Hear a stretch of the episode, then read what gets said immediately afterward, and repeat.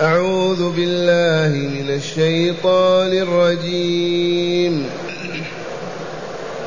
فلا تدع مع الله إلها آخر فتكون من المعذبين. وأنذر عشيرتك الأقربين. واخفض جناحك لمن اتبعك من المؤمنين. فإن عصوك فقل إني بريء مما تعملون. وتوكل على العزيز الرحيم الذي يراك حين تقوم.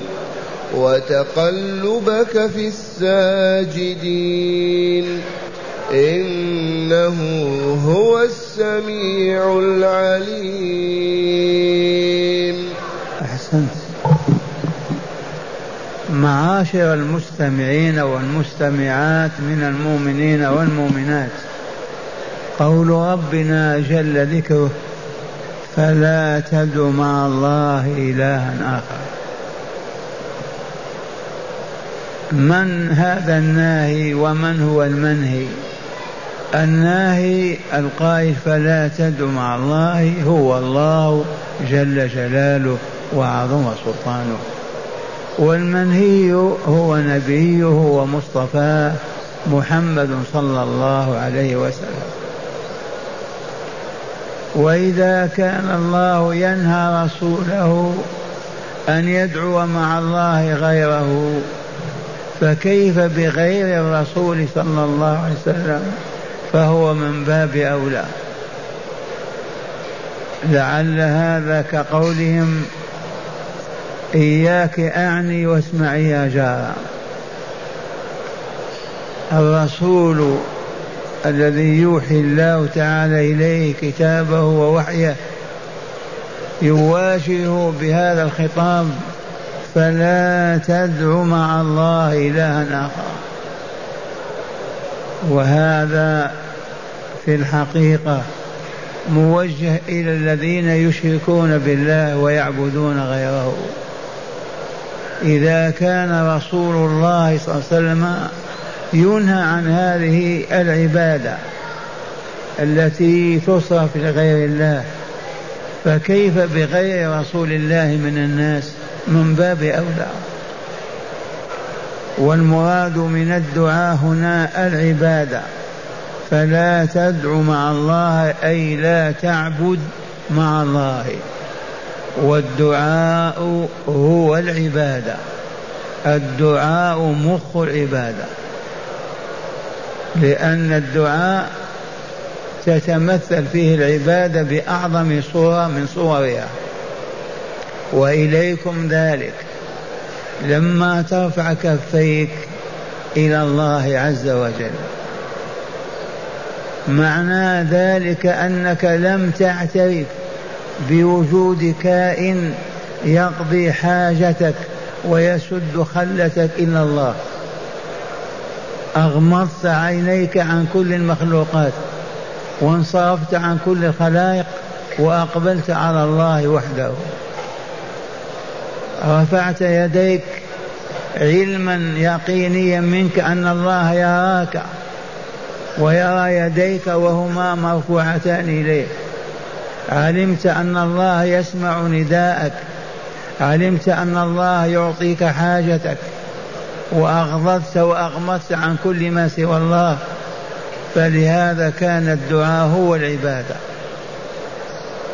فمن دعا غير الله هلك. بربه أشرك وهو يدعو من لا يملك شيئا ولا يقدر على إعطاء شيء ومع هذا الشياطين تزين للناس دعاء غير الله لأن الدعاء هو العبادة.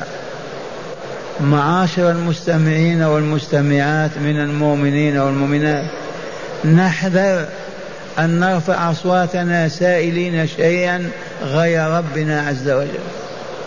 فلا يحل أن تقول يا رسول الله ولا يا فاطمة ولا يا حسن ولا يا عبد القادر ولا يا جبريل ولا يا ميكائيل ميكائيل. فضلا عن الأشجار والأحجار والأصنام والتماثيل. لا يدعى إلا الله. إذ لا يقضي الحاجة إلا الله. ولا يرفع الدرجة إلا الله ولا يمحو الذنب ويكفر السيئة إلا الله. فهذا لا يدعى لهذا لا يدعى إلا هو. وهذا إرشاد الله وتوجيهه. فلا تدع مع الله إلها آخر فتكون من المعذبين. الذين يدعون غير الله الذين يعبدون غير الله إذا ماتوا على الشرك والكفر والعياذ بالله يعذبهم الله عذابا أبديا لا ينقطع ولا ينتهي أبدا. من ساعة أن يموت وروحه تعذب إلى البعث والجزاء ثم تنقل بالبدن والجسم إلى النار فتخلد في العذاب بلا نهاية. هكذا شاء الخالق. هذا حكم الله عز وجل. فلا تدع مع الله إلها آخر فتكون من المعذبين. من الذي يعذبهم؟ الرب تعالى. هو القادر على ذلك. وهذا العذاب يبدأ من موت الإنسان وأخذ روحه فتلقى في سجين وتبقى في عذاب حتى تبعث الخليقة يوم القيامة وتعود لها أجسامها وتدخلها أرواحها ثم تنقل إلى عالم الشقاء إلى النار إلى الجحيم إلى جهنم إلى سقر سبع دركات لا تخرج منها أبدا والعياذ بالله. هكذا يوجه تعالى خطابه لرسوله ليسمع السامعون ويعي الواعون. إذا كان رسول الله يوجه إليه هذا الخطاب ويتوعد بالعذاب فكيف بنا نحن؟ معشر المستمعين والمستمعات لا يسمعك ربك تدعو غيره بكلمة يا تناديه. أبدا ما لك إلا الله. الله يا رب اللهم يا الله. أما غير الله لا رسول ولا نبي ولا ولي ولا ملك ولا ولا إذ لا يدعى إلا الله. وهذا كلام الله نسمعه. يوجه الله خطابه إلى الرسول نفسه فيقول له فلا تدعو مع الله إلها آخر فتكون إن أنت دعوت من المعذبين أي في جهنم في عالم الشقاء والعياذ بالله تعالى.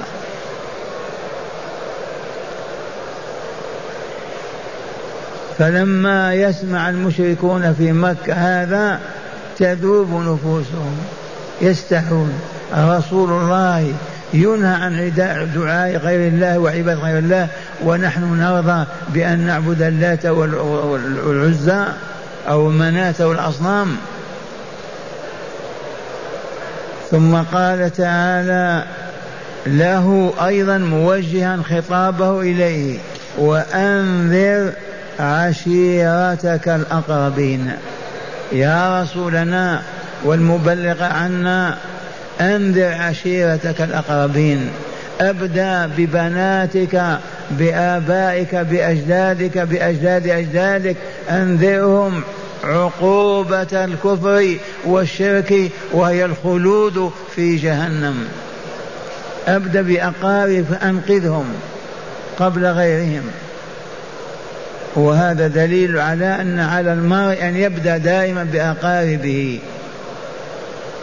يبدأ بالأقارب أولا ثم ينتقل إلى من بعدهم. وها تعالى يقول للرسول أنذر عشيرتك أبدأ بقبيلتك. وبالفعل جمعهم صلى الله عليه وسلم ونادى يا بني هاشم يا بني عبد المطلب يا عباس يا فاطمة بأسمائهم أنقذوا أنفسكم من النار. فإن من مات كافرا يخلد في النار. من مات مشركا بربه سواه يعذبه ربه ويخلده في النار والعياذ بالله. وأنذر عشيرتك أي أقاربك الأقربين الأقربين بدأ ببني المطلب بن عبد ببني هاشم وانتهى والله بفاطمة كما سيأتي. يا فاطمة بنت محمد أنقذي أنفسك نفسك من النار. سليم المال ما شئت ولكن أنقذي نفسك من النار. ثم قال له واخفض جناحك لمن اتبعك من المؤمنين. فالمؤمنون منهم من آمن اليوم ومنهم من آمن من أسبوع ومنهم من آمن منذ شهر أو سنة إذا لم يرفق بهم ويلين جانبه لهم لو يعتب عليهم قد يرتدوا وينتكسوا.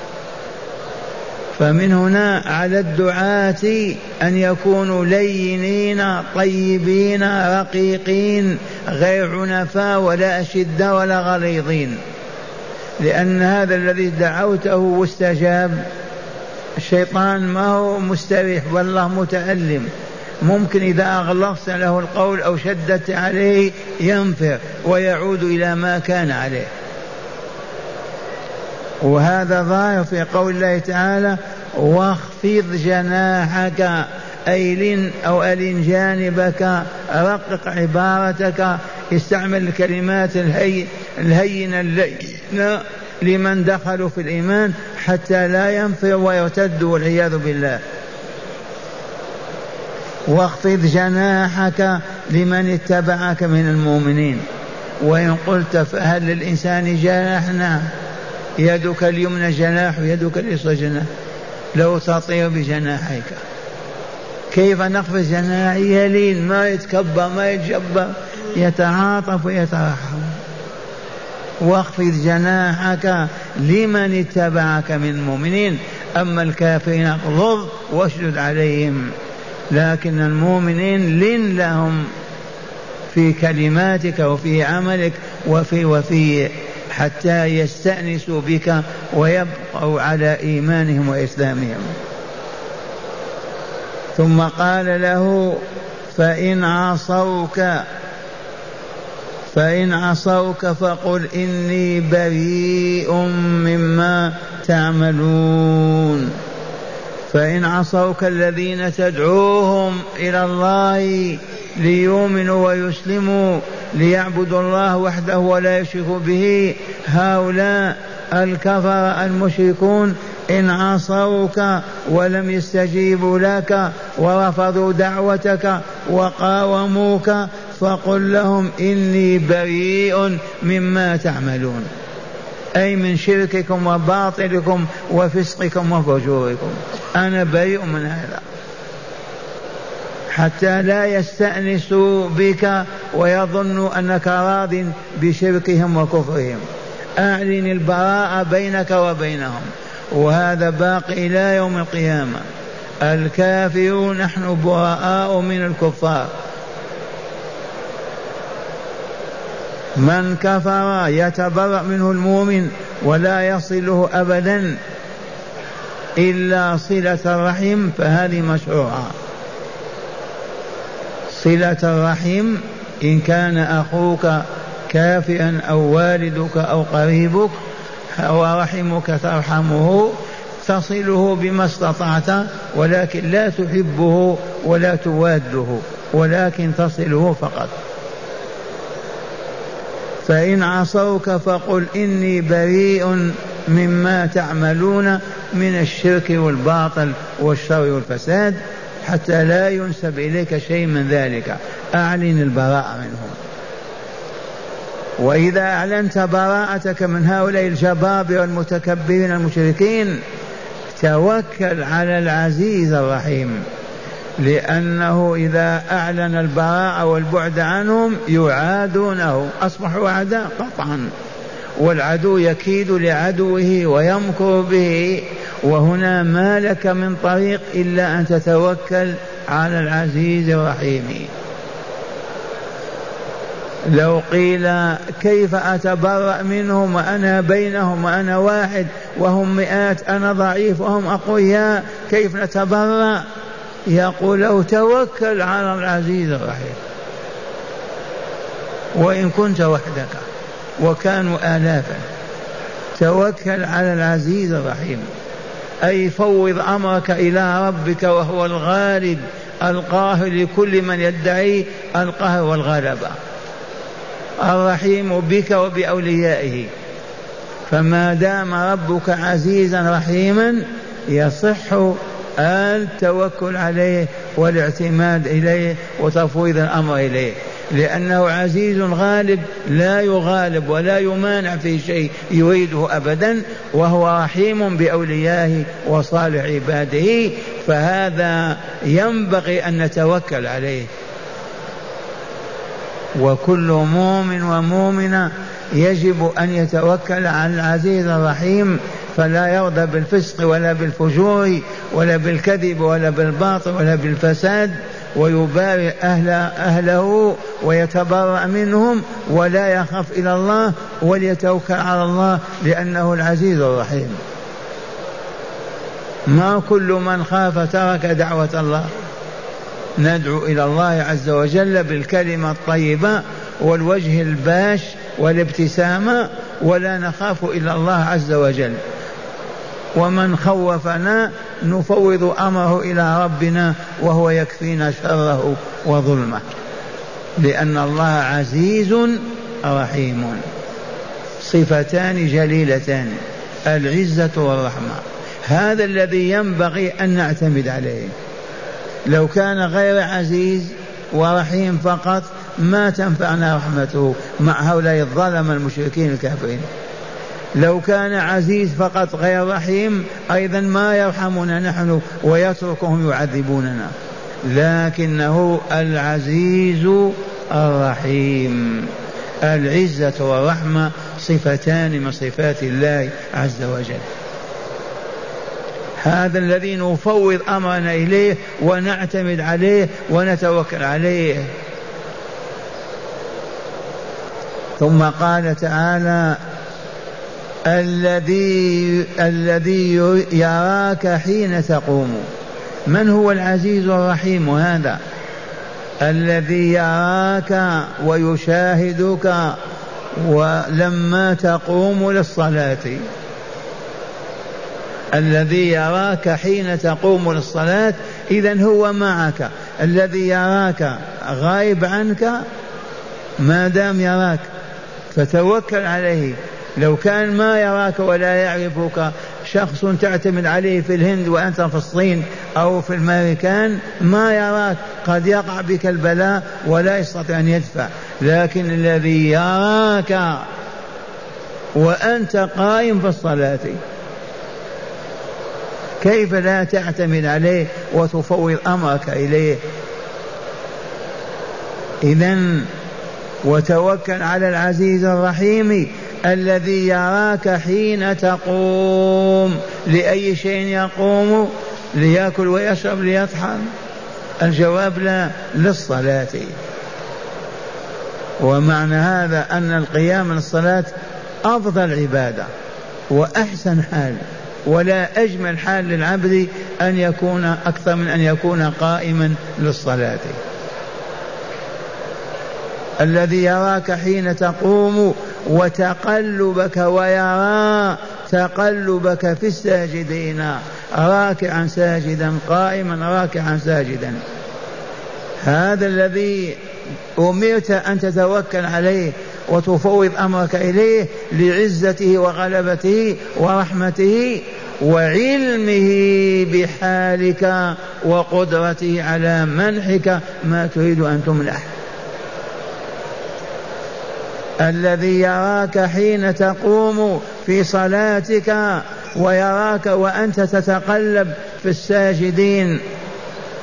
وفي هذا إشارة إلى أن صلاة الجماعة مفروضة على هذه الأمة ولا يصح أن يصلي كل فرد في بيته أو في بستانه بل لا بد من أن تصلي جماعة المسلمين في بيوت ربها الصلوات الخمس.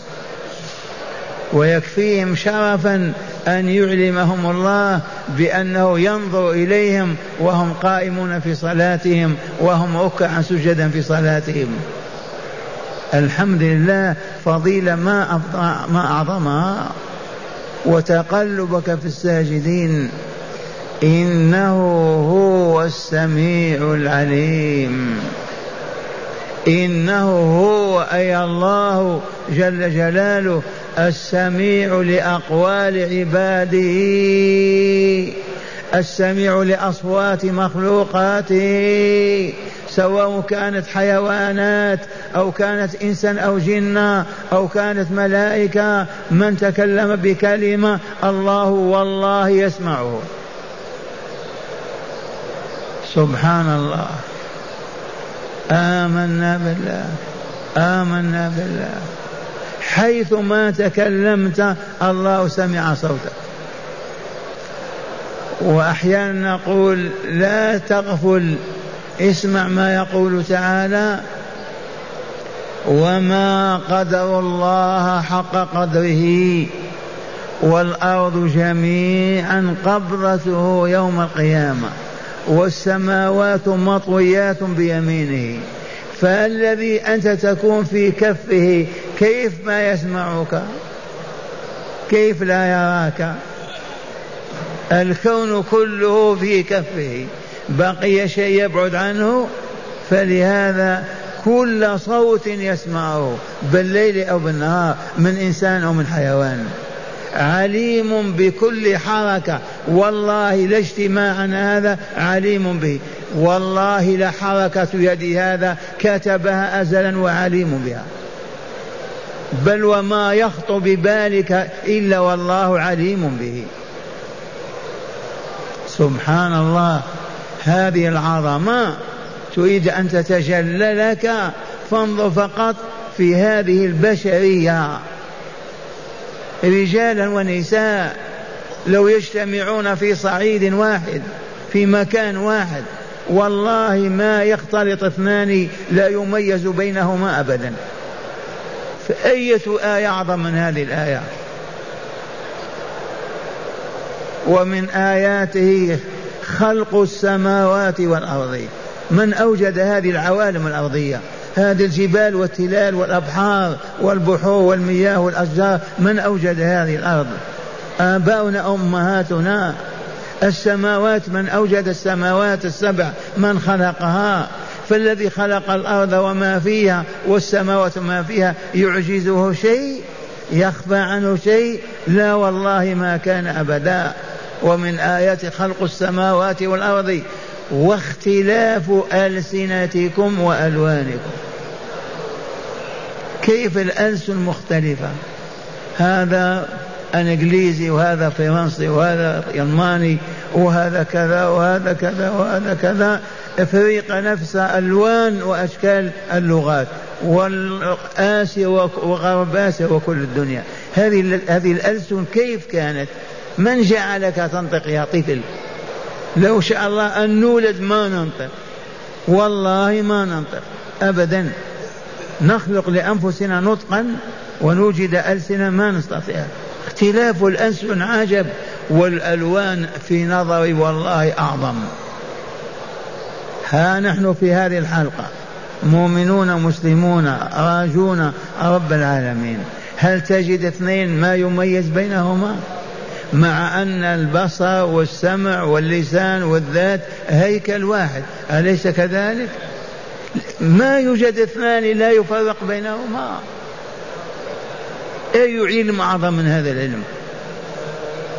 لأنه لو كان يوجد من لا يفرق بينهما اختلطت البشرية. هذا يدخل على امرأتك وأنت تدخل على امرأته. لماذا؟ هذا هو أبونا أو هذا هو زوجي. هذه الآية أعظم آية للبصراء والعقلاء.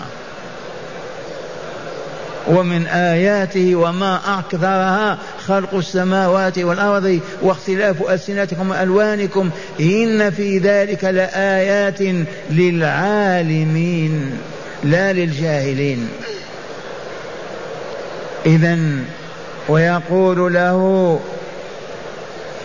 الذي يراك حين تقوم أي في الصلاة ويرى تقلبك في الساجدين أي في المصلين. هم الساجدون. إنه هو السميع العليم. فوض أمرك إليه واطرح بين يديه واسلك سبيلا دعاك إليه ولا تبالي بالأبيض ولا بالأسود ولا بالقوي ولا بالضعيف لأنك اطرحت بين يدي العزيز الرحيم السميع العليم. قولوا آمنا بالله. تأملوا شرح الآيات مرة ثانية معاشر المستمعين والمستمعات. ما زال السياق الكريم في طلب هداية قريش قوم محمد صلى الله عليه وسلم. سياق الآيات من أول الصورة إلى الآن ما زال السياق سياق الحديث في طلب هداية قريش قوم محمد صلى الله عليه وسلم.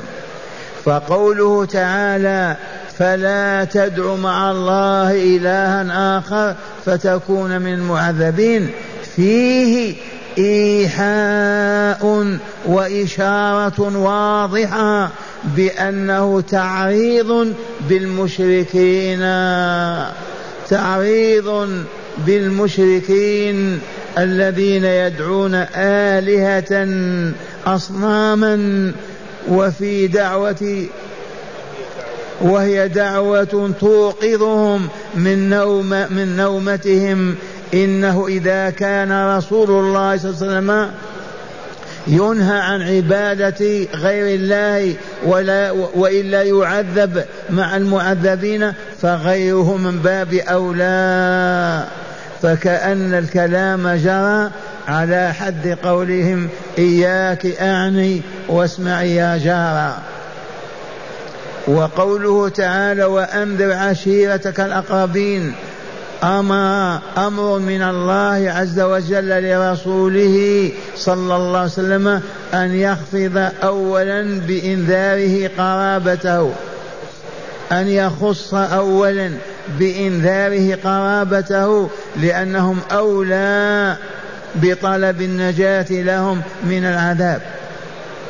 وقد امتثل الرسول الكريم صلى الله عليه وسلم أمر ربه فقد ورد في الصحيح في صحيح مسلم وغيره عن أبي هريرة رضي الله عنه أنه صلى الله عليه وسلم لما أنزل عليه وأنذر عشيرتك الأقربين لما أنزل عليه هذا اللفظ قال يا معشر قريش اشتروا أنفسكم من الله يا معشر قريش اشتروا أنفسكم من الله.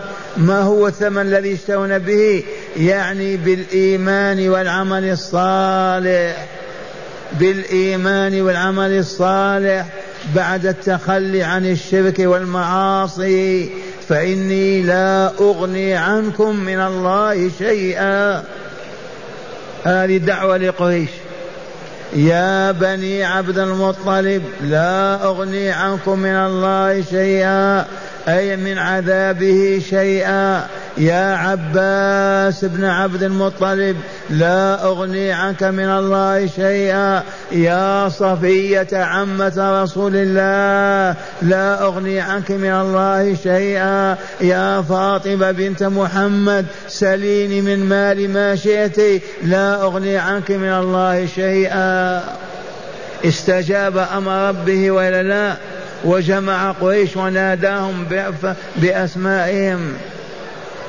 لأن الله قال وأنذر عشيرتك الأقربين. فامتثل أمر ربه وجمعهم ودعاهم. صلى الله عليه وسلم.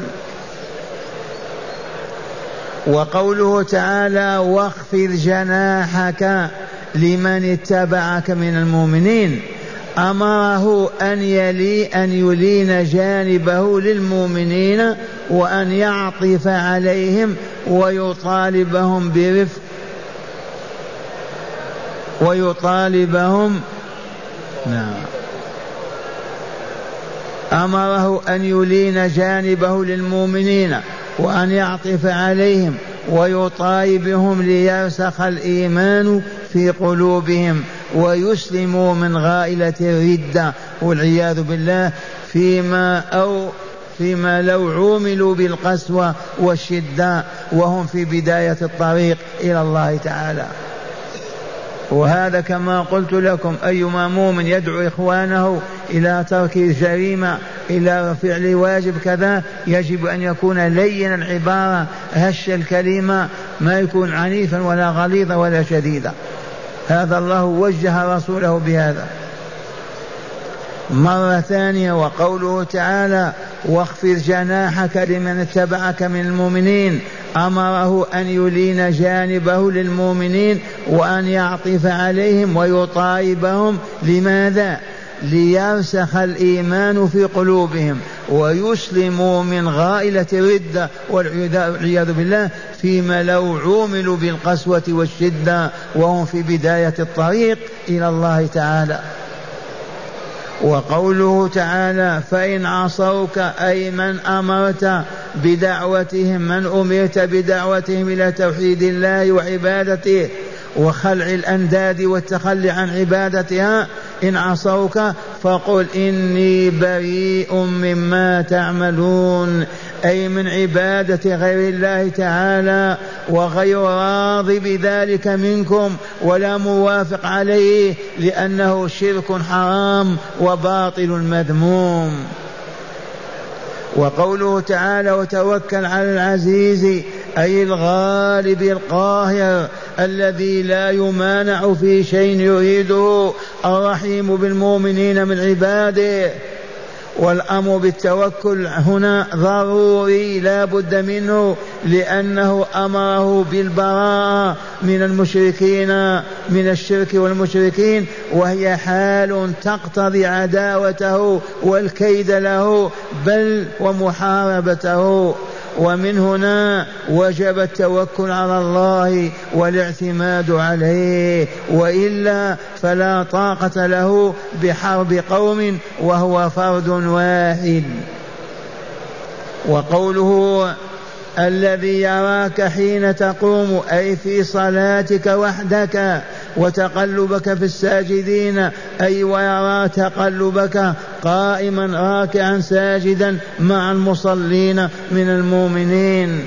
بمعنى أنه مط بمعنى أنه معك يسمع ويرى فتوكل عليه ولا تخف غيره وامض في دعوتك ومفاصلتك للمشركين.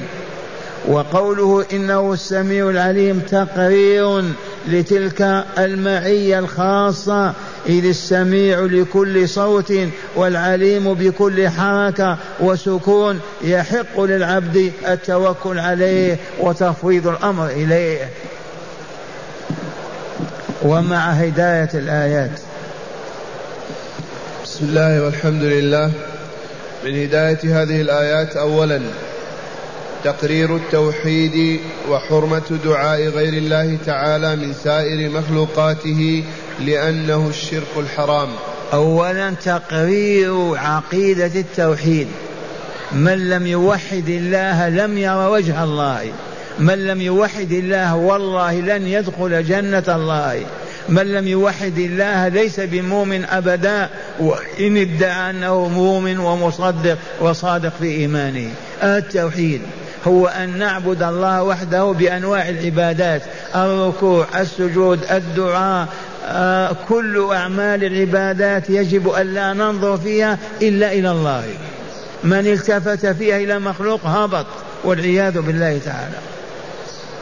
وبلغوا إخوانكم الذين يرفعون أصواتهم يا رسول الله المدد يا فاطمة يا كذا يا عبد القادر يا أولياء الله فهذا والله لشرك محرم وأصحابه إن لم يتداركهم الله بالتوبة هلكوا والعياذ بالله.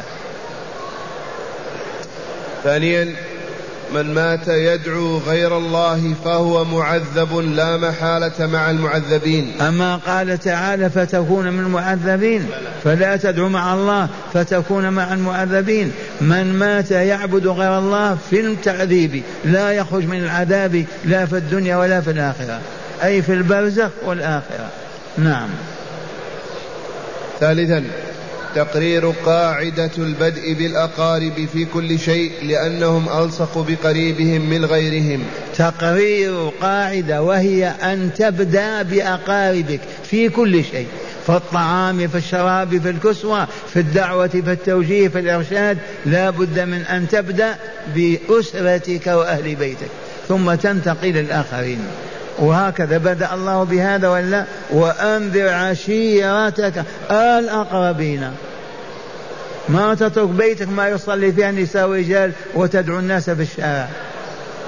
نعم. رابعا مشروعية لين الجانب والتواضع للمؤمنين لا سيما الحديث عهد بالإسلام. مشروعية التواضع ولين الجانب والرفق بالمؤمنين عامة. لا سيما الذين يدخلون في الإسلام حديث عهد. فلان أسلم فرنسا إيطاليا إسبانيا بلجيكي.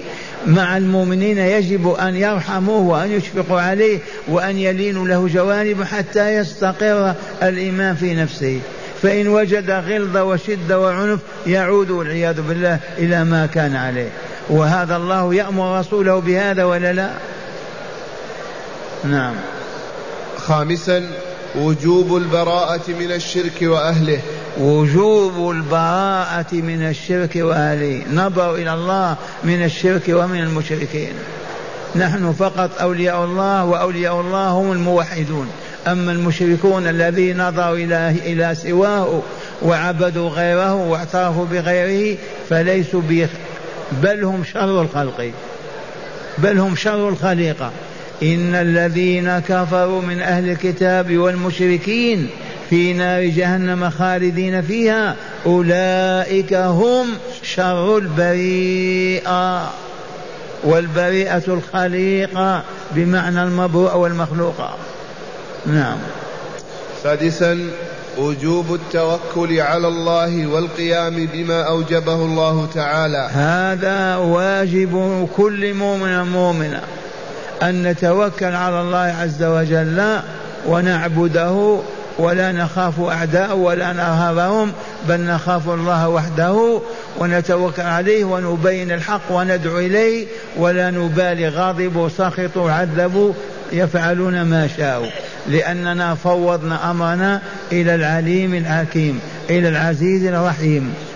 أيما مؤمن يدعو إلى الله ما يبالي بالظالمين والمشركين والعتاة والكفار.